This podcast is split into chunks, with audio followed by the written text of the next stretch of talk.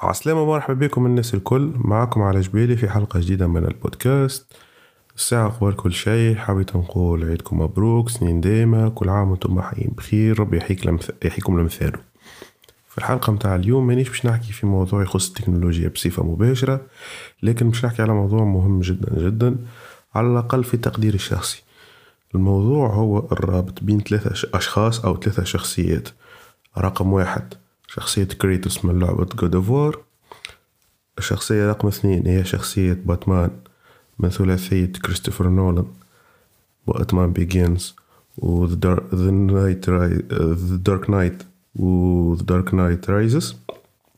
وشخصية ثالثة هي كريم بنزيما. يقول القائل شنو اللي يجمع بين ثلاثة شخصيات واحدة من عالم الأفلام واحدة من عالم الألعاب الفيديو.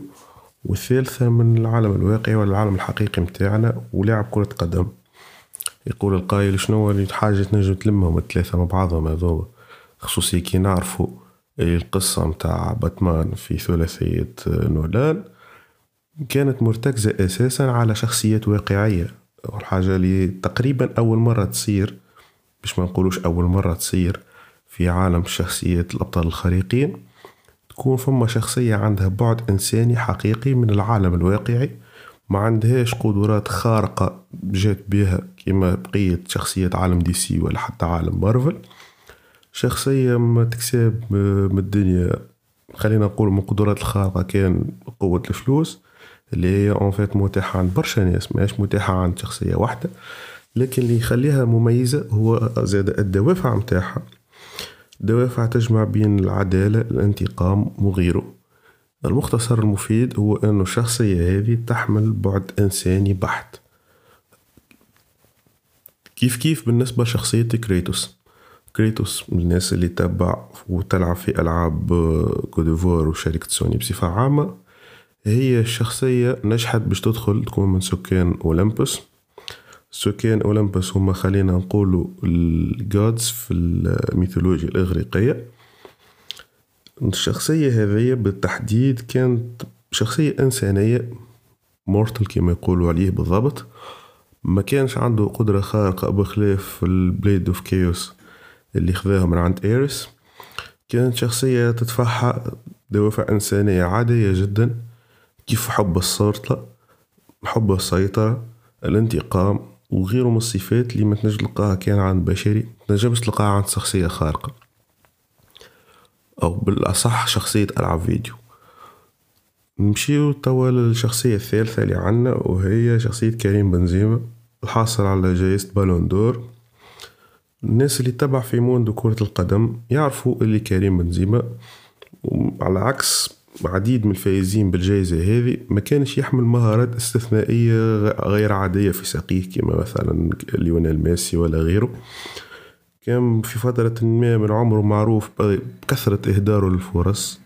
معروف معروف في فترة من عمره اللي هو إنسان يحسوه لا مسؤول في الملعب يحسوه يضيع عشرات الأهداف السانحة واللي خلات النادي متاعه في موقف محرج في كثير من الأحيان. لكن بالإصرار وبالتدريب وبالمواصلة في نفس النسق متاع التدريب وبعدم الاستسلام نجح في فترة ما من عمره إنه باش يقدم أداء استثنائي نجح باش يقدم أداء استثنائي في المباريات اللي لعبها مع ناديه ريال مدريد واللي خاولت له في فترة ما من عمره باش يكون سبب مباشر في فوز النادي بدوري أبطال أوروبا واحدة من أصعب المسابقات في عالم كرة القدم. شنو اللي يخليني اليوم نحكي على ثلاثة شخصيات هذوما؟ وهو حاجة تجمع بيناتهم واللي هي المثابرة. الثلاثة شخصيات هذيا ما كانتش عندها قوة خارقة كبيرة خارقة للطبيعة خلينا نقولوا. ما كانش عندها هاك الحاجة الغير عادية الموجودة عند الخارقين في المجال متاعهم.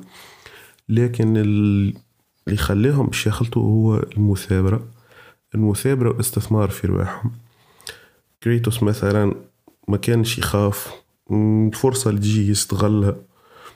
déjà الناس اللي تلعب God of War يعرفوا الباركور اللي تعدى بيه وكان مستعدين نجم نحكي على قصة كريتوس باختصار في حلقة قادمة. نحكي زاد على شخصية باتمان اللي بشوية بشوية بنت ترسانة متاع المعدات متاعه بنى امبراطورية كاملة من الأدوات اللي تخليه يوصل الهدف نتاعو واللي عوضته على نقص خلينا نقولوا القوة الخارقة مع برشا تدريب وصل باش يكون رمز من رموز دي سي بل واحد من أكثرهم شهرة بين الناس. وكريم بنزيما زاد لي في فترة من الفترات كان الأداء متاعه هو اللي يخلي النادي كامل بحجم ريال مدريد واقف على ساقيه وينافس على أقوى البطولات. خليكم مستعدين خليكم حالمين نخليكم توا في حلقة ونتقابلوا في حلقة جديدة إن شاء الله. يلا باي.